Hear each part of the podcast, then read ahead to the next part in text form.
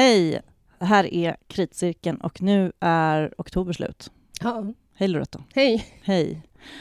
Ja, jag har hunnit se 20 föreställningar sedan vi poddade förra gången. Hur många har du sett? 14. Ja, då Eh, vinner jag. Ja, igen. Mm. Jag såg sex föreställningar i Berlin. Aha. Jag har ju varit i Berlin i två veckor. Ja, okej, så det är, där, det är där jag hör, ligger efter. Precis. Ja. Du skulle varit med. Ja. Förra avsnittet, då skulle vi precis gå och se Askungen. Mm. Gud, det känns jättelänge sedan. Det var ju jättelänge sedan, det var ju fortfarande varmt ute. Ja. ja nej, men nu har vi ställt om klockorna och eh, ja, fan ridån har gått ner kan jag säga, Mm. eh, rent mentalt. nej, men det är glöggsäsong Ja. i alla fall. Ja, men Askungen, vad kommer du ihåg av den? Ja, nej, men jag kommer ihåg att den eh, var väldigt rolig. Ja, det var lite Eh. Barbie-känsla. Ja, eller Barbie, Barbie och fars kan man säga. Ja. Eh, men, eh, och väldigt mycket eh, fysisk slapstick-humor. Mm. Ehm, som också eh, gick in i, i eh, sjungandet väldigt bra, Mm. kommer jag ihåg. Ja, jag hade roligt. Ja, nej, men jag tyckte också att den var, den var liksom underhållande. Jag kan förstå... Folkoperan har ju verkligen en, lite ytterligheter i Mm. höst, kan man säga.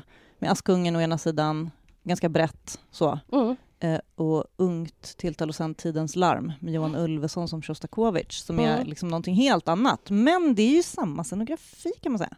De här gröna Just det, de här- draperierna. Ja, Ja, innan det blir Barbie-plasten, för den Mm. är ju täckt liksom. Ja, eh, känner att Barbie-plastestetiken, den är ju liksom någonting som är väldigt typiskt för Nora Nilsson som eh, då debuterade som Mm. operaregissör. Det är väldigt liksom mycket det här plastartificiella, glättigt, eh, eh, väldigt, ska man säga, fin, eller, eller väldigt genomarbetad eh, estetik som hon har. Och hon jobbar ju ofta med eh, samma scenograf. Julia Serenmotska, Ja. Pardon My French. Det var ju en eh, liksom väldigt eh, så teatral Mm. iscensättning kan man säga då. Ja, men det är också lite så intressant eh, med deras eh, Belcanto-satsning att Stube v- v- debuterade ju också med Mm. eh, operaregi, i alla fall liksom eh, en helaftonsföreställning med Norma förra hösten och då var det ju liksom eh, igen väldigt liksom teatralt men eh, med hans Ja, eh, Estetik, ja. ja. med hans eh, den estetiska signum. där liksom gråskalan eller man ska säga. Ja, men precis. Så det, är det är kul att de är liksom, ja, Belcanto-regissörer Mm. som gör liksom ändå smarta, klyftiga, inte liksom eh, så utstuderade regigrepp för regigreppens eh, skull, utan som liksom ändå arbetar på Mm. ett väldigt kongenialt sätt med, med, med musiken och, och dramat.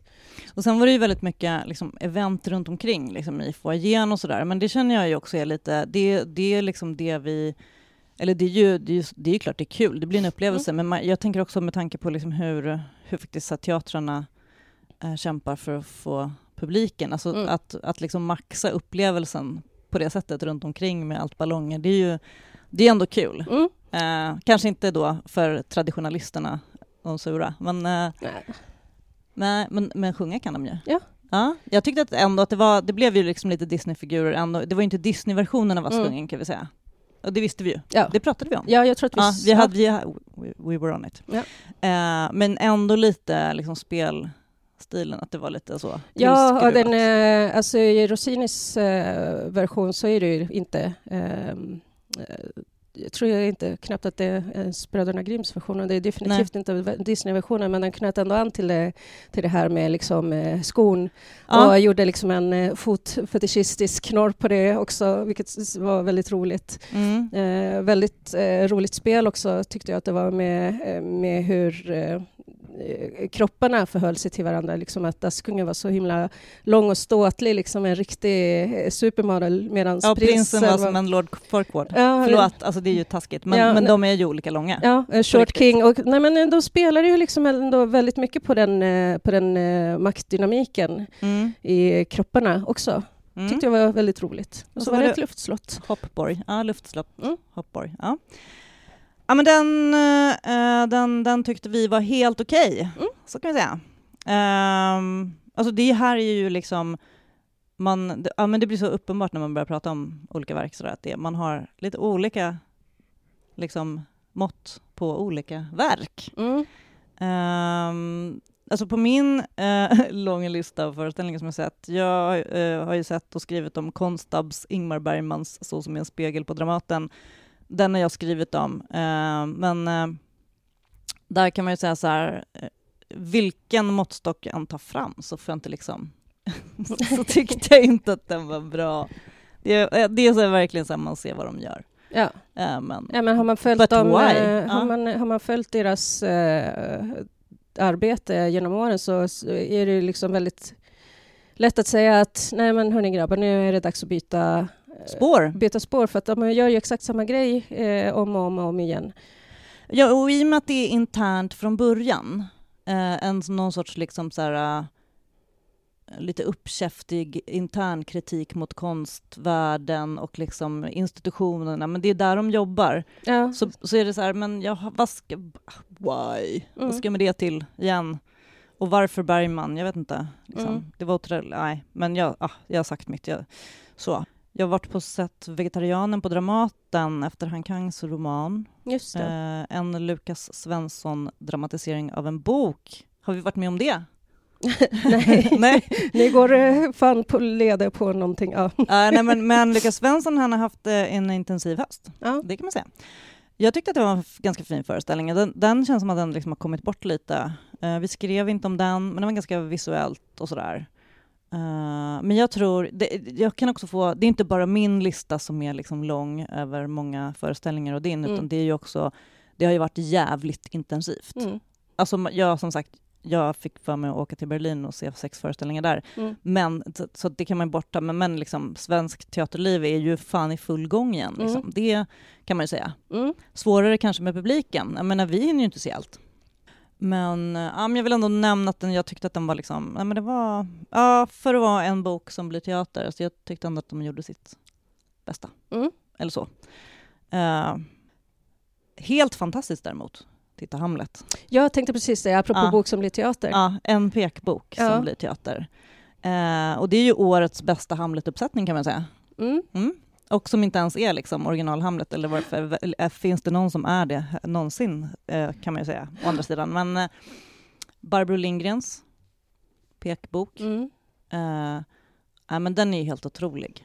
Ja, eh, Lars Rudolfsson gör det igen, kan man säga det är ju, jag tror att jag är inte den enda som typ jämför med hans uppsättning av hennes, Barbro Lindgrens äh, Vems lilla mössa mm, Jag har inte sett den. Så jag... Nej, men den, eh, där missar du någonting. Mm. Jag, det, vet, det finns en inspelad tv-version av den mm. som faktiskt funkar mm. också. Uh, så att typ om man, jag vet inte, har någon forskningsaccess till arkivet för ljud och bild eller jag vet inte. Eller mm. om de lägger ut den, ja men det händer ju lite då och då att de uh, repriserar. Um, den här var ju liksom av den kalibern. Inte riktigt liksom, för den är en av, en av de absolut bästa föreställningarna alltså, typ jag sett, mm -hmm. eh, tror Oj. jag, någonsin. På, alltså på Orionteatern, mm. men också liksom, äh, men den var, det var verkligen, det var ju också en bok, blir teater, mm. men det var leksaker som fick liv. Och det här kan man ju lite grann säga också att det är en typ av Ja, men det är som att Hamlet, det, det här det är ju ändå lätt att se, att man kan tänka sig att Hamlet är liksom ett gäng eh, liksom leksaksfigurer. Mm. Alltså det är mycket lättare att tänka sig det än att de skulle vara riktiga människor, för de är ju fruktansvärda. Mm. Det är mm. en jävla hemsk familj. Mm. Ja, nej men det som jag tyckte var fint också, det var ju att den inte eh, väjde bort från eh, det hemska, eh, läskiga och groteska. Alltså det, dels liksom den här, den här skelettet som är, agerar som en slags... Ja. Liksom, det otroligt, det där skelettet. Men också alltså, de verkligen liksom iscensatte Ofelias självmord. Ja. Ja, men precis. Eh, när jag var där, alltså, det var ju en liten pojke som typ så här eh, hoppade upp och typ så här mm. tänkte hjälpa Ville rädda henne. henne. Ja. Alltså, vad fan, det är ju...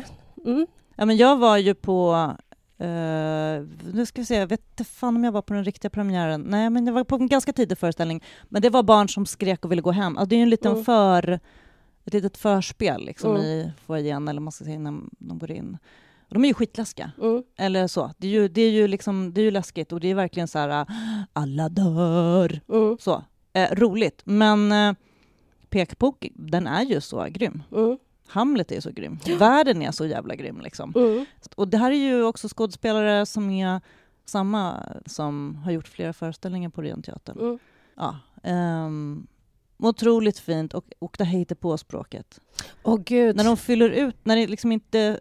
För de använder Mm. ju bara exakt bara de replikerna som, som finns i pekboken som är Mm. en... Ja, det är one-liners. Ja. Så det är ju först är det Hamlet reducerat till one-liners, helt briljant av Barbro Lindgren. Mm. Och sen då överfört. Så det är ju inget tillagt förutom att när det ska vara någonting så är det ju liksom... Ja men gibberish. Ja, liksom- De pratade som Linus på linjen, men det som var så himla roligt också, det var ju att drottningen och kungen, särskilt drottningen pratade ju gibberish, fast på danska. Ja, för de är ju danska. Ja, Ja. alltså det är otroligt. Oh. Nej, det är jättefint. Så jag, den är så här, jag vill nästan se om den. Alltså den är Ja. jättefin. Um, årets, en av årets hits. Uh, en annan hit tycker jag var Dansen på Galjösen. Mm. Ivan Vyrypajev. Mm. Vi har ju pratat om Vyrypajev och i Dramatens De här berusade som de Just gjorde gick ju sådär. Ja, men ja, frågan är ju om det var liksom för att den inte översatte sig så bra till, Mm. skärm, till skärmen. Ja men precis, Nej, men det var den här där de skulle spela fulla. Nej men jag Mm. vet att jag min, alltså, de, handlar, de, de berusade ska ju vara, de ska spela, de är fulla men Mm. jag tyckte också att det var något med regi där. Mm. Men däremot dansen då eh, är ju liksom eh, en... Eh, ja men det är som omtag. Mm. Jag har skrivit om den, man kan läsa recension om man vill. Ehm, omtag om, ja men det handlar om livet och döden liksom. Mm. Om vad som liksom, massa olika versioner av typ samma situation fast från lite olika håll. Eh, återigen, berättelsen om berättelsen Mm. aktualiseras. Eh, och eh, ja, men konsten. Liksom. Konsten som ja, men jag vet inte, metafor för livet, livet som metafor för konsten. Mm. Eh, och så dansen. Liksom. Det Ja. fanns som en eh, mytomspunnen dans som det Mm. berättades om. Så måste jag ändå säga Sandra Hult. Ja, alltid. Herregud.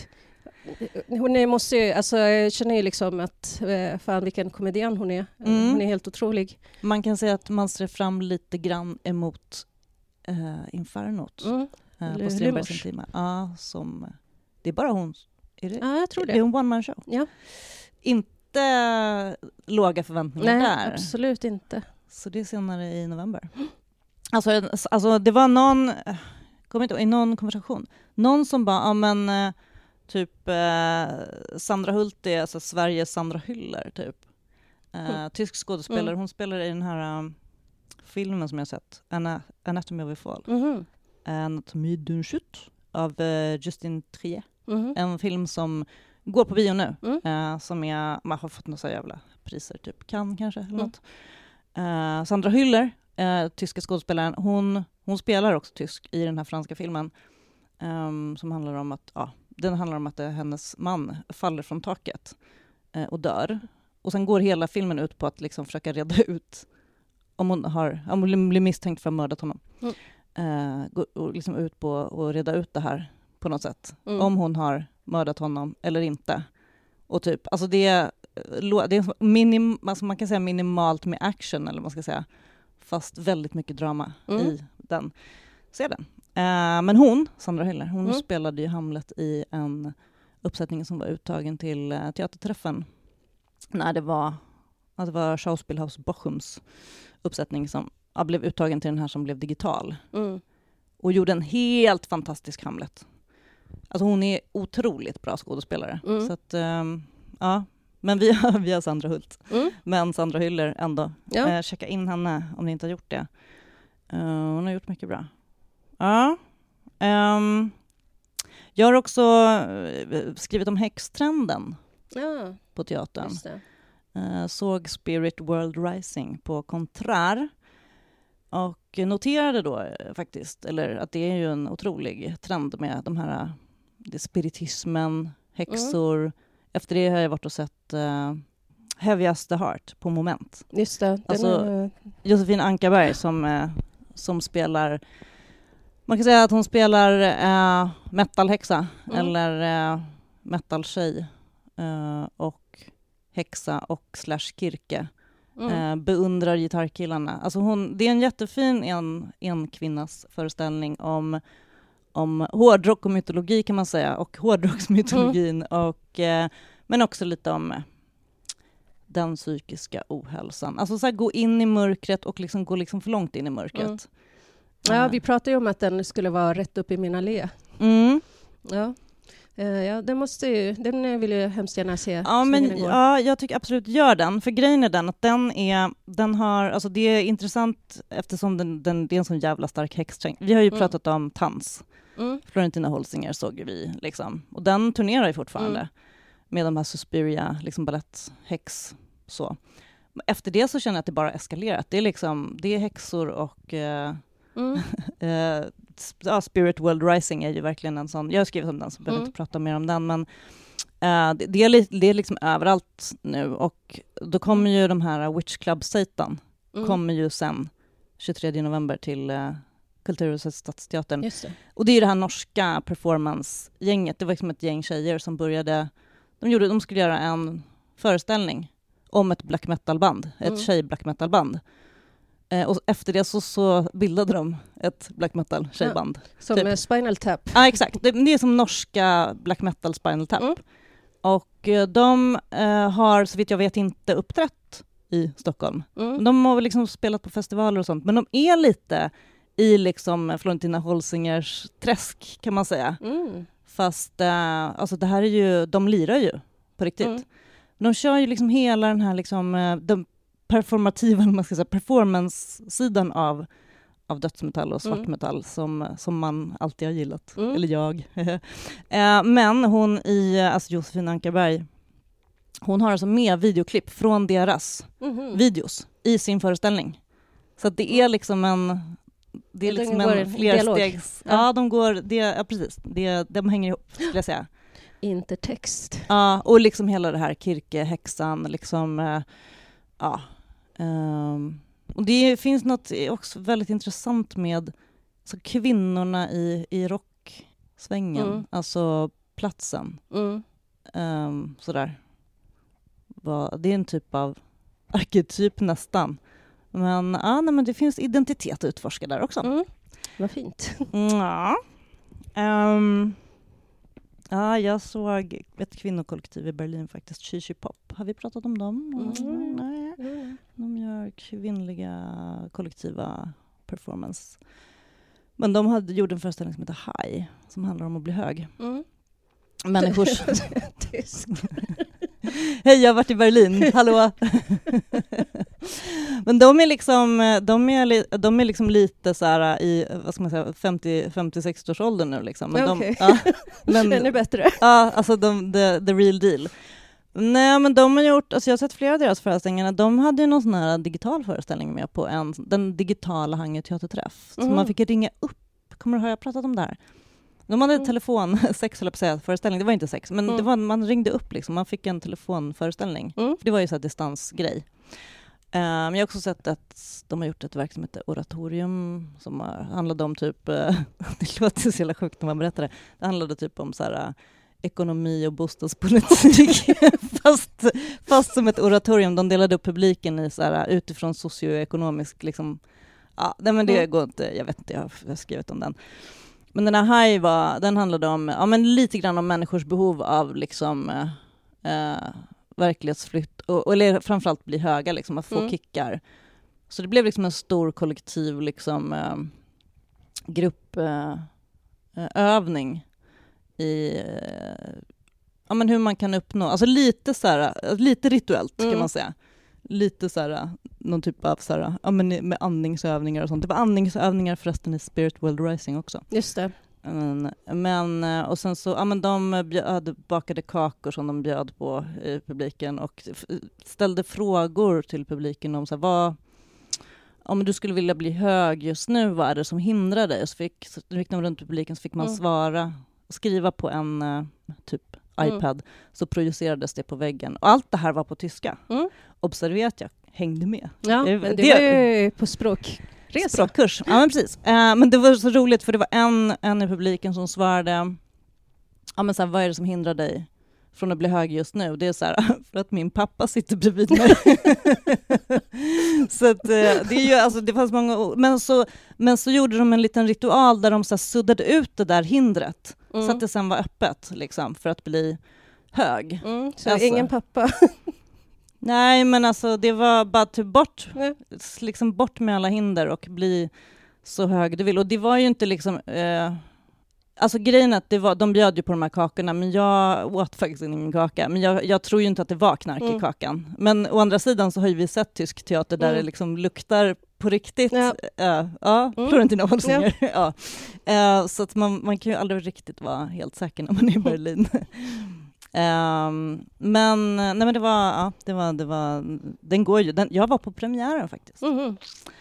Ehm, de är en ganska roliga, roligt kollektiv och gör annorlunda, det är ju postdramatiskt då. då. Mm. Men det var fint. Och man fick små instrument, så man fick så spela med så trianglar och små Mm. ja, maracas och grejer. Och jag fick en liten trumma med såna här bjällror på. Mm. Eh, så det, var jätte, det är som 70-tals happening. Uh, det är ändå skönt när man liksom var för liten för att gå på dem, när det Mm. begav sig, att det finns såna här grupper som håller i den traditionen. Mm. Men det var det om det. Um, ja, djävulen var ju med i Kanasta med Hin Håle också, Just det. fast mer som en eh, figur Mm. kan man säga. Alltså Hin Håle som typ kulturpolitiken eller ja, jag vet inte. Um, den var också rolig. Ja. Ska vi prata om eh, dina, du, alltså jag har ju varit i Berlin men du har ju ändå varit i Göteborg. Jag har varit i Sverige. Du har varit i Umeå, Ja, precis. Klinghoffer. Ja, eh, The Death of Klinghoffer, John Adams. Du har ju Eh, sett alla tre nya fräsiga, alltså operahöstens pikar. Ja. The Death of Klinghoffer, Mm. Mytomania Yes, och Melancholia. precis. Vilken var bäst? Eh, Mytomania. Mm. Jaha, det, den har jag inte sett. Nej. Nej. Eh, nej, men eh, Klinghoffer är ju, det är ju John Adams och det var ju liksom... Alltså, det är ju liksom inte en opera, regelrätt opera liksom med en rak dramaturgisk båge så, utan det är liksom en eh, Det var serie... en tv-show, ja, ja, men precis. Det är ju en serie vittnesmål om, eh, om det här eh, händelsen som eh, inträffade i verkligheten då ett gäng eh, palestinska terrorister kapade ett fartyg och eh, mördade en av passagerarna, då, eh, den här Klinghoffer. En israelisk. En, ja, eller Judisk. eh, amerikansk-judisk. Amerikansk judisk, ja men äh, Ja, och ja. grejen att premiären Mm. hamnade ju precis i P- precis. detta Ja. nya utbrott. Exakt, så att det var ju liksom en... Eh, det var ju så att Dan Thurdén eh, gick upp på scen och liksom eh, höll något slags anförande huruvida eh, man skulle överhuvudtaget gå till premiär med anledning av det som hade hänt. Men ändå så valde man att eh, göra det. Och det ska man ju vara glad för. Det är ju väldigt det var ju liksom ändå en väldigt fin och rolig föreställning tyckte jag med det här tv-studiogrejen liksom eh, jag kunde se eh, att verkligheten läckte in på samma sätt som eh, det läckte in vatten i den här tv-studion. Så Ah, det ja. blev liksom en väldigt så Ja, här, fin, eh, fin kontrasterande metafor som liksom var helt eh, omedveten, för att det kunde inte de veta. Men eh, det, det kändes ändå så, liksom hur, eh, hur deras kläder blev blötare och blötare eh, ju längre andra akten eh, gick och sådär. Mm. Eh, Men den är ju, den uh, operan har ju alltid liksom uh, omgärdats av en massa olika protester och mm, för att den är så pass kontroversiell för att den är liksom, ja men den, den riskerar att liksom ja men trampa snett i den konflikten på något sätt liksom. Mm, Den är ja. så jävla känslig. Ja, men precis. Det är ju för att man... Eh, alltså, alltså, eh, I synnerhet en av terroristerna får ju väldigt mycket taltid att berätta sitt, sin version av det som Mm. hände och sina bevekelsegrunder. Eh, Lutando Kvave eh, sjöng den rollen. Otroligt fin. Alltså, Mm. herregud vad, vad bra det var och eh, vad bra det funkade med studiokamerorna som liksom verkligen kunde fånga in hans spel medan han sjöng. Mm. Otroligt. Ehm, ja, så att jag, kameror, kameror på scen är inte alltid av ondo. Nej, men jag tänkte just på det här med liksom, alltså när verkligheten är så fruktansvärt jävlig runt omkring och, eh, och liksom man tänker att teatern eh, är ju den platsen där man ska ändå kunna eh, liksom ta upp olika perspektiv eller liksom, ja, men kanske låta en terrorist ändå få Mm. taltid för att det är konst. Jag var ju i Berlin då precis Mm. när allting eh, bröt ut. Och jag pratade med Sherman Langhoff som är chef på Gorky Teater. Mm. Och de hade en otrolig utmaning, för det, Gorky Teater har verkligen en riktigt, riktigt mångfaldig ensemble. Mm. Alltså, eh, dels har de nu liksom under hela hösten och fram till december har de ett eh, ex-Jugoslavien-tema. Mm. Men eh, det är liksom en, en teater där man verkligen har eh, skådespelare från, och liksom konstnärer från hela världen och olika delar av världen. De har en föreställning på sin repertoar som heter The Situation, Mhm. som är liksom... ehm, alltså, de, ja, de säger det att människor från Mellanöstern liksom som de pratar liksom om de här konflikterna bara som the situation. Mm. Typ att, och att alla de människorna som liksom kommer till Berlin, för det är ju också så här, Berlin är en sån riktig sån liksom, mångkulturell stad, eh, tar ju med sig liksom sina erfarenheter. Mm. Men nu så hade hon liksom en riktig utmaning med att de behövde, de kände att de kunde inte spela den föreställningen precis Mm. efter, för den låg inne, det låg inne föreställningar. Och eh, regissör är Jael Ronen och hon är från Israel. Alltså, och i, för, I föreställningen så har de ju skådespelare som är från eh, Israel, Palestina, liksom Syrien, Mm. Turkiet. Alltså, det är så här- herregud. Det är ja. som ett liksom bultande sår. Ja. Eh, och jag menar, och då Klinghoffer-operan igen. Den, eh, ja, Mm. det kommer alltid, men det har inte varit några stora protester. Alltså Sverige är väl ändå ganska tolerant liksom. Ja, det var ju liksom ändå, polisen var ju närvarande Mm. eh, ute i, på, i paus, så stod det ett par poliser där för säkerhets skull. Mm. Eh, De eh, för, klart frågade och de sa att de inte hade fått någon underrättelse om att Nej. någonting knasigt var på väg, men eh, liksom, de hängde hellre där än på liksom, huvudgatan. Mm. Så att, ja. Ja, nej men det... är- Ja. Nej, det är inte, det är inte självklart. Alltså det märker, Mm. Man märker det, det är när det är så jävligt, så jävligt läge. Liksom. Mm. Så det är verkligen inte självklart att, att, det liksom, att scenkonsten är en fredad plats. Nej, nej, absolut där man inte. bara har hur högt i tak som helst. Ja. Ja men Mm. uh, Mytomania då? Ja, eh, Mytomania. Paula af Malmborg Ward ehm, gjort musiken. Uh, Kerstin Persky har skrivit libretto till denna helaftonsopera som är väldigt, väldigt löst baserat på Macchiarini-skandalen men som jag liksom ändå ser på något sätt speglar arketypen kring bedragaren liksom på ett mer allmänmänskligt plan. Mm. Eh, jag kunde liksom se spår av eh, Claes Relotius, jag kunde även se spår av den här um, entreprenörsbedragerskan eh, Elizabeth Holmes. Mm. Och eh, det den gör det är ju liksom att den eh, egentligen eh, undersöker och skärskådar lögnens mekanismer utifrån alla perspektiv, liksom både motiv, eh, lögnen som neuros, lögnen som bristande moral, eh, lögnen som möjlig för att eh, människor runt omkring eh, är medberoende och sådär. Eh, oh, gud, ja. Det är en väldigt bra ingång i en... Eh, Alltså för Mm. drama. ja, alltså den är otroligt Ja. tät, bra, snygg. Eh, eh, Jag recenserar ju den för tidskriften Opera Mm. och där är liksom min slutsats att det är väldigt sällan man sätter på eh, en nyskriven opera eh, som liksom gör eh, självklara anspråk på att sätta sig på världsrepertoaren för Mm. en lång tid framöver och jag tycker att den här gör det. Mm. Vad Eh, kul. Och Klara Svärds regi var ju liksom också väldigt fin, väldigt snygg um, scenografi. Det var liksom väldigt mycket um, den här thriller, uh, Hitchcocks stämning.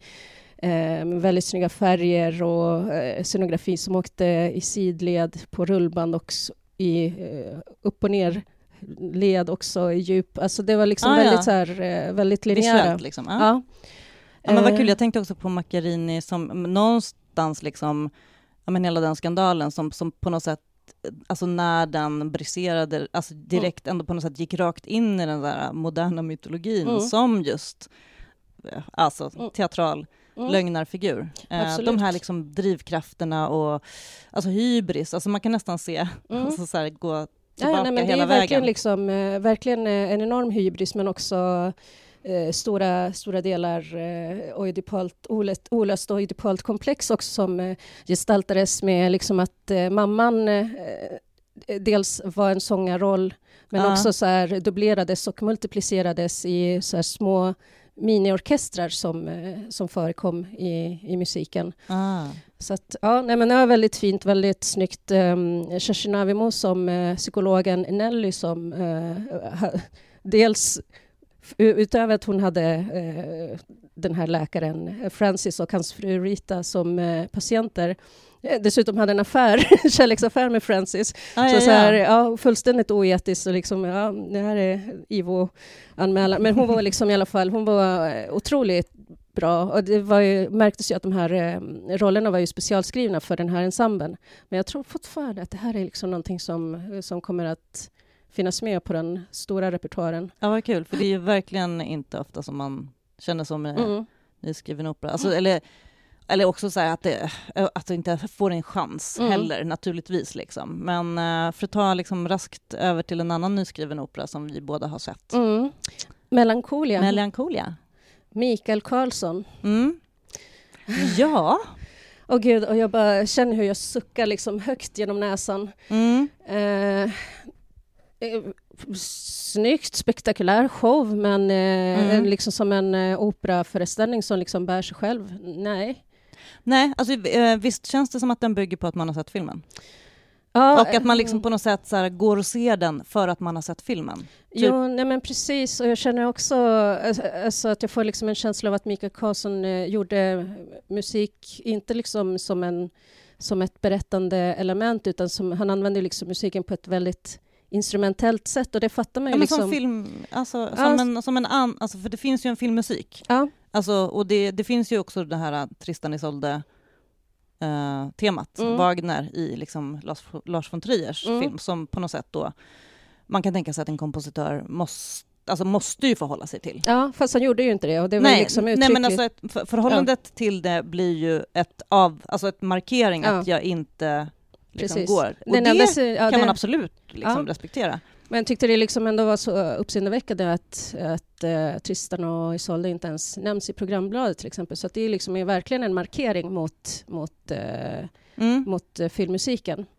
För den, har, den är ju inte heller liksom helt löst. Alltså jag menar, det är inte så att Lars von Trier bara hmm, ja, ska jag hitta på, alltså, ta någon gammal dänga. Ja, Alltså, nej, men, eh, och Lars von Trier använder ju ofta eh, musik och särskilt opera för Mm. att liksom understryka stämningar eh, Ja. i liksom, sina filmer. Jag tänker på den här scenen, den här kärleksscenen i Antikrist som resulterar i det lilla barnet som dör medan de eh, har Mm. sex i, i duschen. Och det liksom blir hela startskottet för den familjens undergång. Eh, Ah, ja. Händels musik. mm. Ja. Ja. Eh, ja, nej men, och, men det är också kopplingarna till liksom, ja, men de stora mytologiska berättelserna. Alltså, Mm. alltså koppla gammal mytologi till nutidsmytologi, Mm. om man ska säga. Alltså jordens undergång.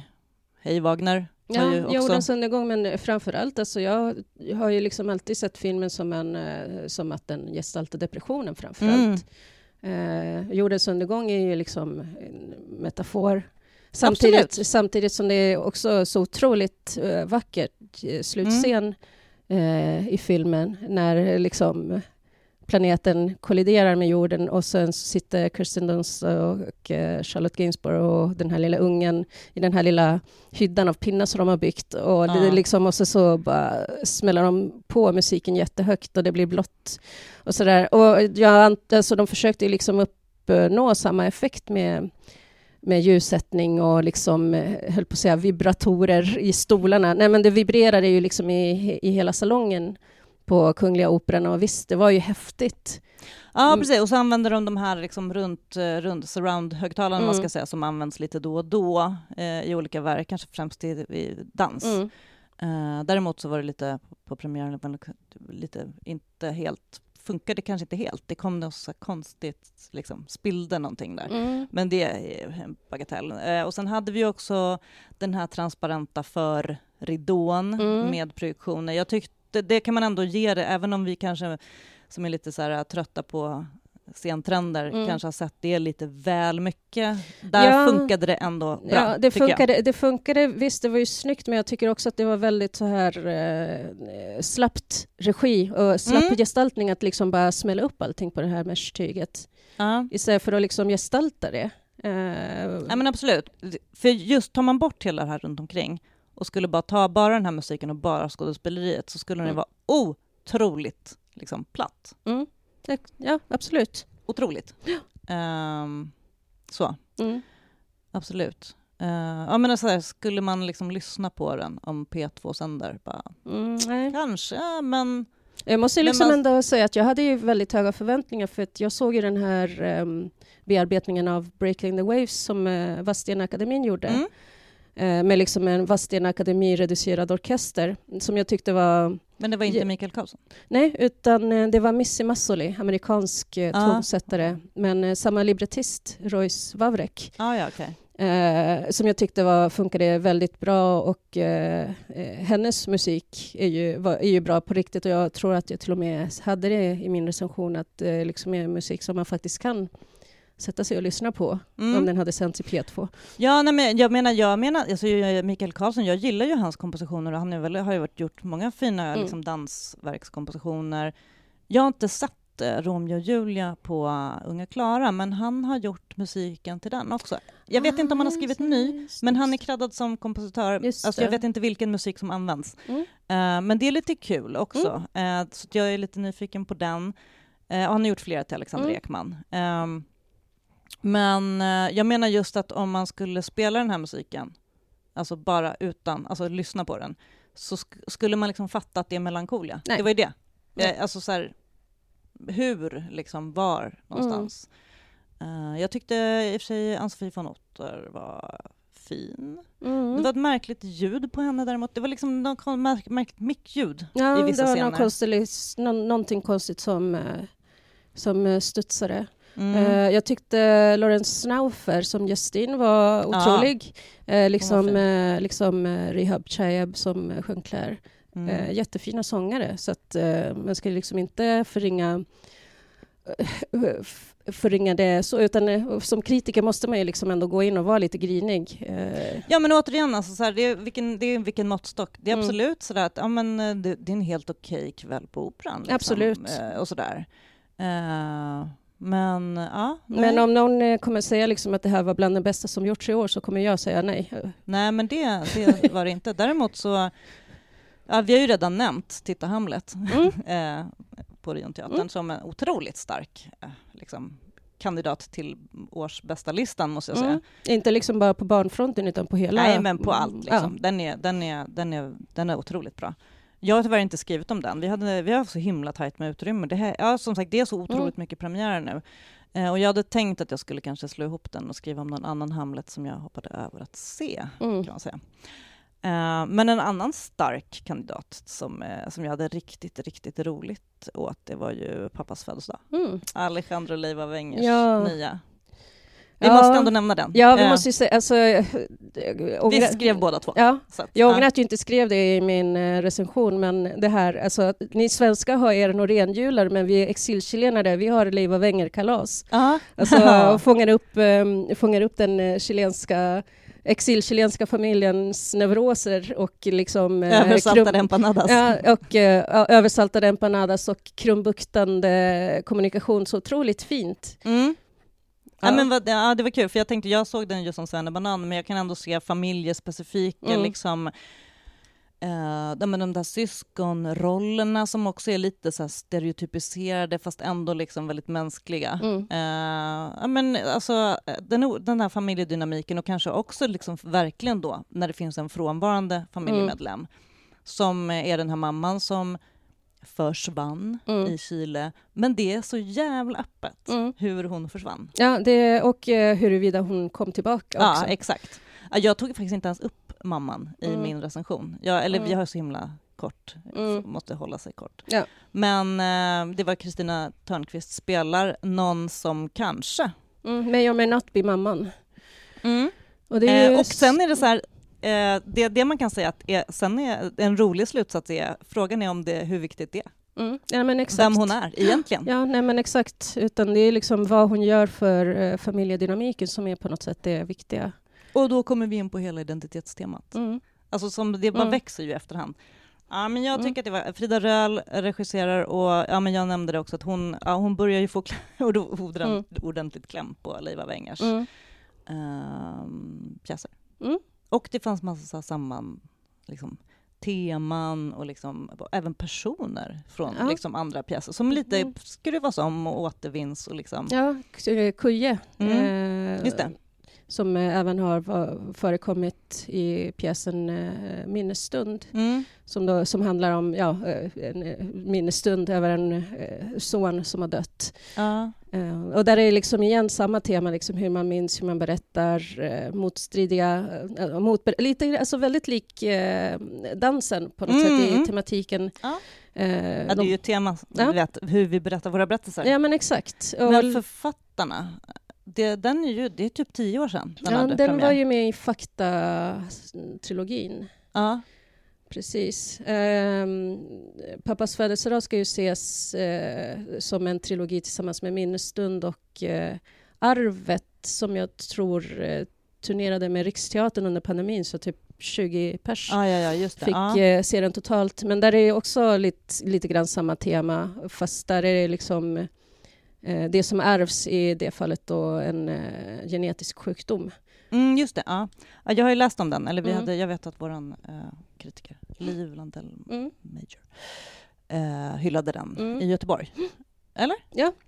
Ja, turnerade den också? Jag tror att, eller om det, Eller- det om- åtminstone var tänkt att turnera. Ja. Det kanske inte kom så långt eftersom det var mitt under pandemin. Ja. Ja, det var mycket eh, som pandemin ställde till, men som sagt, vi är glada att Dramaten eh, köpte pjäsen Mm. och samma regissör fick sätta upp Mm, den. Och ja. samma huvudrollsinnehavare, Ja, Cesar Sarachu. Ja, Ehm, nej men gud. Han är ju helt underbar Ja. som pappan. Ja, nej men gud vilken pappa. Ja, Jag, vill, jag ville på något sätt se min pappa i honom, men nej, de är liksom vitt skilda personer. Han var väldigt rolig. Ja. Eh, ja, men det fanns regigrepp där också som Mm. faktiskt var väldigt roliga med, uh, med scenografin. Att han, han har ett sätt att, han, det finns en fönsterruta Mm. bakom. Han kan gå ut och se saker utifrån på ett Mm. sätt som jag kände också fanns där. Det adderade lite lager till Mm. såna saker som man inte får plats med i en recension. Men, ehm, men jag sku, det skulle nog vara kul för, jag tänker så här typ eh, dramatikstudenter och sitta och analysera typ hur man, ja men de här olika lagren som verkligen Ja. finns. Ja, så många lager som i en sachertårta som jag skrev i min ja, det var recension. snitsigt. Ja, Ja, nej men jag tyckte nog att uh, tårtförväxlingarna, jag såg, en, jag såg en symbolik i mamman mm, i tårtan. Eh, det tyckte jag var en fin mm, liksom eh, fin eh, dramaturgisk liten pärla. mm. Eh, det finns mycket att hämta där. Framförallt så kände jag så här, om jag skulle se om den så skulle jag mycket, vara mycket mer uppmärksam på vad fan, när tårtan försvann Ja, och kom det. tillbaka.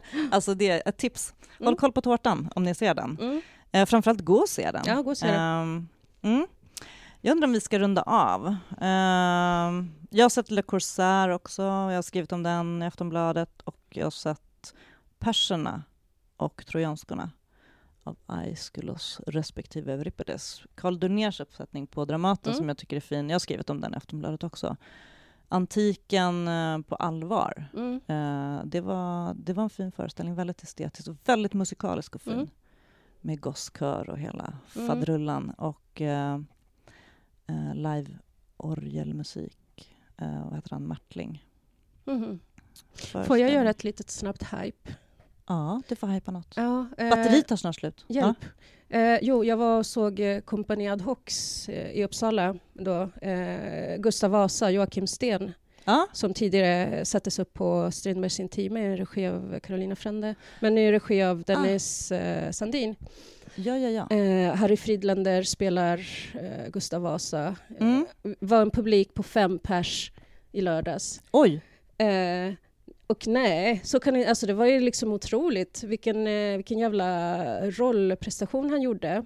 Och det var inte Therese Brunander. För det var hon som gjorde den på Strindbergs och hon var ju Mm. otroligt bra. Men det Ja. var ju också en bra dramatisering. Ja, otroligt kul bra. att den fick en eh, Ja. second coming. Ja, men precis. En second coming. eh, Och eh, att om någon, våra lyssnare har vägarna förbi Uppsala så passa på och eh, kliv upp det stora berget till Uppsala slott och se den för fan. Ja, den spelas där uppe. Mm. För att eh, det är bra teater på allvar. Liksom inget eh, joxande, flamsande. Det enda lite så här småflamsiga var att de eh, ibland körde så här medeltidifierad version av eh, Seven Nation Army och Gudfadern.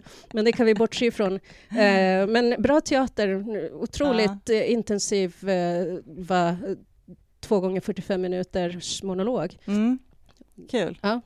Ja, nej, men det, jag kan känna att det var ju samma sak, eller då, pappas födelsedag. Mm. Att det var riktigt bra teater. Det, det var ju väldigt eh, bra ensemblespel Mm. och eh, alltså roligt. Jag tycker att det är kul att man kan få ha roligt på teatern Mm. också. Det tyckte jag också. Det var roligt på Brunnsgatan 4 Mm. eh, med Montelius nya. Men, men det, där var jag mer, kanske, kanske mer beredd på att det skulle vara helt skruvat. Mm. Alltså för att den är, liksom, hon har verkligen en sån, eh, liksom, sån skruv på sitt språk och, och det alltid är liksom far out.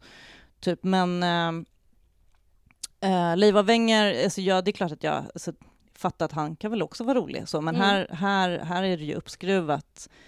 Jag menar lite så här, det exiltemat finns ju där och det finns ju någonting tragiskt, men det är också så här, jag tror jag skrev så att de är mer löjliga familjen än tragiska familjen. Mm. Det är ganska skönt. För jag tänkte också så att det, det är så jävla många människor som har så här, olika trasiga familjer. Och, Mm. alltså, så att jag menar, det är ju, det är ju inte liksom Ja, det är klart att man kan göra rolig teater av Norén också, Mm. men, men det liksom... Nej, men jag kände att man också behöver det, här jävla mörkret. Mm. Vad kul. Jag hade med mig eh, min 15-åriga son som sa att det var det roligaste han har följt med på på jättelänge. Åh, Eller till och med det bästa. Alltså, så här, Ja. Och då tänker jag så här, gud, jag måste ha tagit med honom på så himla mycket dåliga saker. Ja. ja, men det måste ju vara ändå vara den bästa recensionen. Ja, men jag tror det. Nej, men också så att man, man, när man tänker så här, vilken, liksom, alltså den tilltalar mig som vuxen och Mm. liksom, teaterkritiker, för jag tycker också eh, jag blev också väldigt glad att det var teater på riktigt, Mm. alltså att de spelar i, att det, att det är dialogdriven eh, underhållning och att de, eh, men som fysiskt roligt Mm. också. Eh, Vi ska ju nu gå och se Yahako.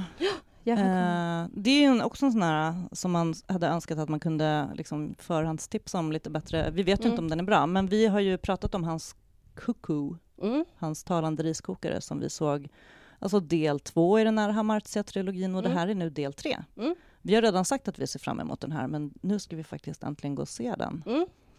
The History of Korean Western Theatre. Alltså Mm. kanske Berättelsen om berättelsen.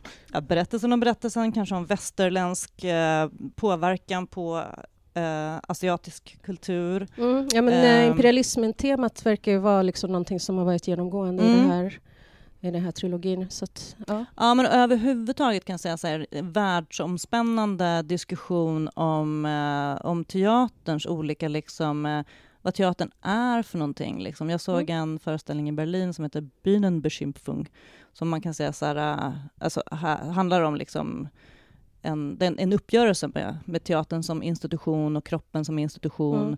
Eh, och som på något sätt, alltså det, Bühnenbeschimpfung alltså betyder ungefär så här scenförolämpning. Så den, det finns någon parallell till publikförolämpning, Handkes, Mm. så här, för vad blir det, 60 år sedan, Mm. fast en annan vinkel. Alltså det, där är det ju en ensemble som, som skäller ut sin publik Mm. Och typ kritiserar varför de är där, de vill bara bli underhållna och tralalala. Men här är det liksom omvända. Det är Mm. liksom, ensemblen kritiserar liksom sin egen... Och egentligen så är det så här, det här är ju gjort så himla mycket. Men Mm. det är en riktigt intressant uppsättning. Mm. Och det är Sivan Ben Ishai ehm, som eh, har skrivit pjäsen. Ehm, intressant dramatiker faktiskt, måste jag säga. Eh, och den har blivit så här, ja, den här Bühnenbeschimpfung blev, fick något så här Stück des Jahres typ i Teater Heute. Eh, Mm. så. Det var på Gorky teater också faktiskt, måste jag säga. Hon är aktuell i vår på Kulturhuset Stadsteatern. Like Lovers Do heter den som kommer. Och Mm. det är Helle Rossing som kommer sätta upp den. Ah, vad roligt. Hon är en Mm. rolig regissör. Mm. Kul. Hon är skitintressant. Alltså hon har också varit med och dramatiserat den här Nora som jag såg på teaterträffen. Mm. Eh, En, en tolkning av Ibsens Dockhem. Eh, intressant dramatiker att hålla ögonen på, kan man Mm. säga. Ganska stor då, ute i Europa. Mm. Men det är ju kul att aha, vi får se i Stockholm nu. Ja, att lilla provinsen Sverige. Ja. Nej, men eh, så förhoppningsvis så blir det bra där Mm. i vår. Men eh, vi drar väl eh, till Dramaten igen. Mm. Hur många gånger kan man vara där samma månad? ja, okej, men det här var Kritcirkeln som eh, firar att oktober är slut. Ja. Eh, och mörkret är här. Nu är november, hurra. Vi hörs snart igen.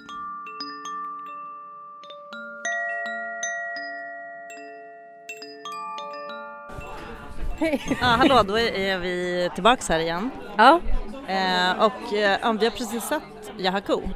Eh, och nu satte vi oss lite på lokal så därför så kanske det låter lite stökigt. ja. Eh, men uh, The History of Korean Western Theatre Uh, spontant Loretto. Uh, ja, nej men spontant så tänker jag att fan vilken uh, skicklig, um, vad skicklig och smart han är på att skriva ihop en berättelse som uh, fångar in det mest liksom uh, stora, de stora lite svepande rörelserna i historien och liksom lyckas samtidigt gå i dialog med sin, eh, det mest intima och personliga i sitt liv. Eh, Ja, verkligen. Eh, min, första spontana reaktion det var ju också att han inledde med att ja, presentera sin kuku, eller Den får prata, och berättar att eh, de har gjort en annan föreställning före den här, och den har ju vi pratat om. Ja. Dramaten har bjudit in den här, del tre i den här Hamartia-trilogin. Och liksom varför i hela friden Eftersom han är, det är han och hans riskokare och nästan samma scenografi som den andra förra föreställningen med olika projektioner då såklart. Men liksom varför inte låta honom spela alla tre? Ja. Nej men det är jättekonstigt. Um, I synnerhet eftersom det liksom ändå finns en, eh, en eh, röd tråd som jag tror att man skulle uppskatta att följa som publik genom den, eh, alla tre. I alla fall, vi har ju sett två av dem. Eh, och de, är, alltså, de eh, sticker ju in i varandra eh, väldigt fint. Mm, ja men verkligen. Eh, men som sagt att den börjar med att ja, liksom kroka i från, alltså det är ju ingen cliffhanger från den förra men man vet ju att det är en trilogi. Eh, och den här, de här kok, kokon eh, liksom har ju, ja, den är ju, den är ju en skådespelare och den pratar om det. Plus att det kommer en till sån här lite mekanisk aktör med en kommentar om vad är en skådespelare idag på teatern och eh, det är en liten padda. Ja, precis. Eh, när man kommer in i salongen så ser man att Yahako sitter på golvet och viker origami. Eh, och han viker en eh, stor eh, grön eh, padda i grönt glittrande origamipapper. Sen lägger han ifrån sig den. Och sen så liksom mitt under föreställningen så kommer den här paddan ut på scengolvet och har liksom fått en väldigt söt, gullig bebisröst. Eh, och liksom har blivit en, eh, en person, en, eh, en eh, gestalt, en karaktär som, eh, som också är med. Mm. Eh, och sen, sen har vi hans farmors röst som är med som en aktör, om vi nu ska liksom bena ut det här i en typ av, eh, ja, vilka är det som medverkar i den här föreställningen? Egentligen så är det ju Yahako själv som gör en monolog, fast han har ju sina olika hjälpare liksom. Eh, och placerar sig själv i liksom den koreanska teaterhistorien och den västerländska kan man säga.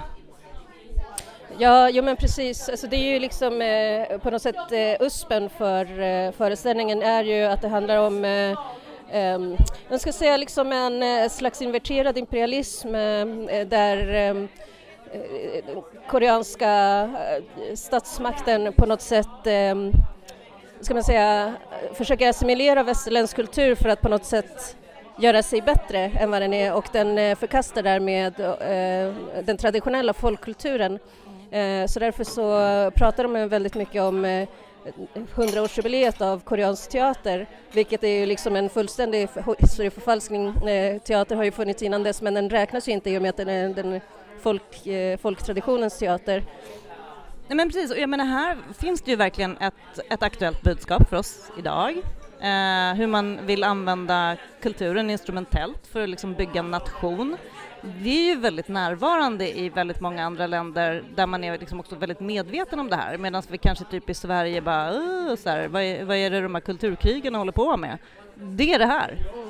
Ja, nej, men jag tycker det är väldigt intressant också att se hur, eh, hur man använder sig av folkkulturen, liksom endera avvisandet av den för att skapa en eh, starkare, stabilare nationalstat.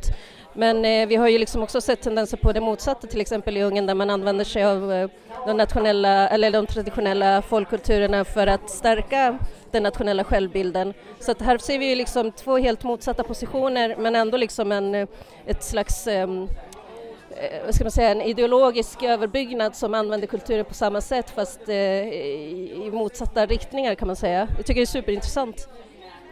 Ja men verkligen, och jag har ju faktiskt varit i Sydkorea. Eh, jag var där 2006 på teaterfestival och så här teaterkritikerkongress. Och jag blir nästan lite så här full i skratt nu för att han pratar ju också om eh, den japanska imperialismen, den västerländska imperialismen, liksom också på, på Sydkoreas, eller på den koreanska scenkonsten och kulturen. Och det första jag såg när jag kom till Seoul 2006 på den här teaterfestivalen var en japansk uppsättning av I väntan på Godot.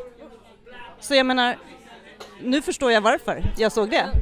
Eh, det var ju så otroligt eh, fascinerande också. Jag tror att det är någon, eh, det är någon röst som berättar om den första teaterföreställningen som hon hade sett eh, när hon gick på gymnasiet var en eh, västerländsk pjäs där eh, skådespelarna använde sig av blonda peruker och kvitt smink för att verka mer autentiskt så att man liksom verkligen gjorde whiteface för att liksom på något sätt egentligen avvisa den egna traditionen ehm, och lyfta upp det västerländska. Ja men precis, och jag menar liksom Godot eh, på japanska då som jag såg, det var ju så här eh, vi vet ju alla också att eh, bäcket är ju så här, man, man får inte göra hur man vill och den var ju liksom i den här liksom förbestämda mallen exakt med det här trädet och de här liksom plommonstopen och så man kände igen allting, det var på japanska. Ja, det var ju engelsk textning som jag minns det, men det var också ganska sövande för det är ju en ganska långsam pjäs, även om jag gillar den liksom så. Eh, men för, för jag har liksom fram till nu på något sätt tänkt att det är klart att de som la det här programmet åt oss valde ut någonting som vi typ skulle känna igen. Alltså så här, för det är så man gör, man har liksom eh, det kommer teaterkritiker från hela världen och vad ska man välja på ett program liksom och vi var där på en sån här typ av kongress med eh, som var organiserad liksom, vi gick i grupp och allting. Eh, men jag menar, och, och, så tänkte jag att det var därför vi såg den, men å andra sidan så var det så här kanske, de har ju också valt ut de föreställningarna som de kanske liksom är lite mest stolta över. Eh, och då var det, en av dem en japansk uppsättning av Godot liksom. Eh, en annan grej som jag tänkte på, för jag lärde mig en sak, jag visste ju liksom inget, jag vet fortfarande ganska lite om koreansk teater. Um, på den här resan så var vi också på en schamanritual eh, som jag känner igen också lite så här det här som visades upp. Han visade ju filmer, ja, videos och sånt från lite så traditionella, de här typen av rituella föreställningar eh, med de här långa ärmarna och det här som han knöt liksom. Eh, och det är ju också väldigt bra, kan jag tycka, som han gör nu, att han liksom förklarar det medan man tittar på det och det, oftast är det ju så för turister, att det blir så här, att det finns någon typ av facit, så här, vad är det du ser för någonting och man försöker lära sig mer. Men en annan sak som jag eh, lärde mig av att det finns ett väldigt, väldigt starkt tema som är återkommande i väldigt mycket koreansk teater och det är liksom den frånvarande fadern, den tematiken. Och han får ju på något sätt med den här också, för han pratar om, han pratar om sin farmor men, men pappan, och det vet vi också vi som har sett den andra delen att han har ju en, en, liksom en, en ja, men lite komplicerad eller liksom distansrelation med sin pappa. Jo men precis. Och, och i den här relationen med farmodern eh, så berättar han ju också om eh, hur hennes man, e, egentligen de var inte gifta men eh, i alla fall hennes, jo de var gifta, hennes man hade helt enkelt lämnat henne så att det här temat med den frånvarande pappan förekom ju där också. Och samtidigt som att han försökte på något sätt eh, fylla den positionen i sin eh, relation till, eh, till grodroboten. Han eh, liksom eh, behandlade den som om den vore hans lilla barn. Ja men precis, eh, och jag menar, och, jag menar i, i Koreas historia så den frånvarande fadern då finns ju då dels också i alla krigen, att det är alltid någon liksom från liksom, ja men Koreakrigen och alltihopa, eh, alltid en pappa som är antingen i krig eller i den traditionella familjen också är borta och jobbar och det är mamman som är hemma. Eh, men här, han pratar inte om sin mamma men han har ju farmodern då som han har växt upp med och sen otroligt rörande berättelse om hur hon går in i demens och, och inte minst längre och spelar in band för att minnas saker och, och där kan jag bara känna så här, nu projicerar jag är ju västerländska, men typ Beckets, eller Krapps sista band, han sitter och spelar in band också för att liksom göra en historia och sin sista berättelse, den kopplar i där och det ska vi ju veta också, eller vi vet ju det att, att har ju flyttat från Seoul, han jobbar ju nu i den västerländska teatertraditionen, han skojar ju om dokumentärteater och att så här, ah, ja, Rimini protokoll är inte här och kan försvara sig nu men, men han skojar ju om Rimini protokoll liksom. De gör säkert någon dokumentärföreställning. Det här är ingen dokumentär säger han. Men sen blir det ändå lite dokumentärt. Ja, dokumentärt fast ändå eh, på ett betydligt smartare sätt. Tyckte det var så intressant också att han eh, hakade in eh, farmoderns demens i eh, Sydkoreas liksom, kollektiva demens. Han säger någonstans att vad är ett samhälle om eh, dess kollektiva minne försvinner? Och sen så tar han in också ett, eh, ett väsen, eh, liksom en slags eh, godartat monster. Bibi? Ja, precis. Bibi Isaiah en, ehm, ett eh, god, godartat monster som liksom eh, slukar eh, dåliga, eller liksom den slukar minnen för att på något sätt i någon slags eh, svedjebruk göra eh, nya saker möjliga. Um, ja, så, så, att han liksom eh, tar in det stora liksom, eh, samhällsperspektivet i det lilla som får gå i, i dialog med varandra och det är ju väldigt fint, så otroligt elegant gjort. Ja men precis, och koppla ihop liksom teaterkonsten, samhället, mytologin, den liksom eh, koreanska specifika eh, mytologin med de här typerna av liksom Ja, men han pratar om så här, eh, hur han också har blivit uppfostrad eller uppväxt med en farmor som tror på demoner och liksom, det är hon som börjar prata om den här eh, Bibi Sae Um, och som är liksom en mytologisk figur som används och som så här, håller ihop föreställningen till slut. Men det är otroligt intressant just det här med ja, men, eh, byggandet av en kultur och en nation och en bild Eh, och nu är det han som åker runt i världen med den här bilden Eh, i en europeisk teatertradition. Så det, alltså det, är, det är så jävla många, mycket att prata om här. Nu sitter vi på ett litet rörigt ställe här nu, men jag skulle bara säga det att det är Nej, men det är otroligt synd att det, det var ju inte fullsatt och det finns, det är två föreställningar kvar. Uh, så att man är, det är synd om de som missar den här föreställningen och det är ju tyvärr kanske många som gör det bara av rent slumpartade liksom, anledningar. Ja, men, så att, eh, men håll ögon på Jaco. Eh, han kanske dyker upp på andra festivaler och ja, eh, Bergmanfestivalen då som det här är en del av, synd att inte det håller ihop för det är en riktig festivalföreställning. Nu skulle det vara ett eftersamtal och det är sånt som man liksom planerar in och går på när, när det är en riktig festival. Uh, nu blir det liksom, ja men det blir lite apart. Uh, och ja, även den förra föreställningen som vi, som du har missat. Libestot, den har jag ju nämnt redan. Men ja, det var det från Kritcirkeln för idag. Nu ska vi eh, avrunda här lite och få i oss lite mat. Mm. Eh, tack så mycket för att ni har lyssnat på Kritcirkeln. Vi hörs snart igen. Hej!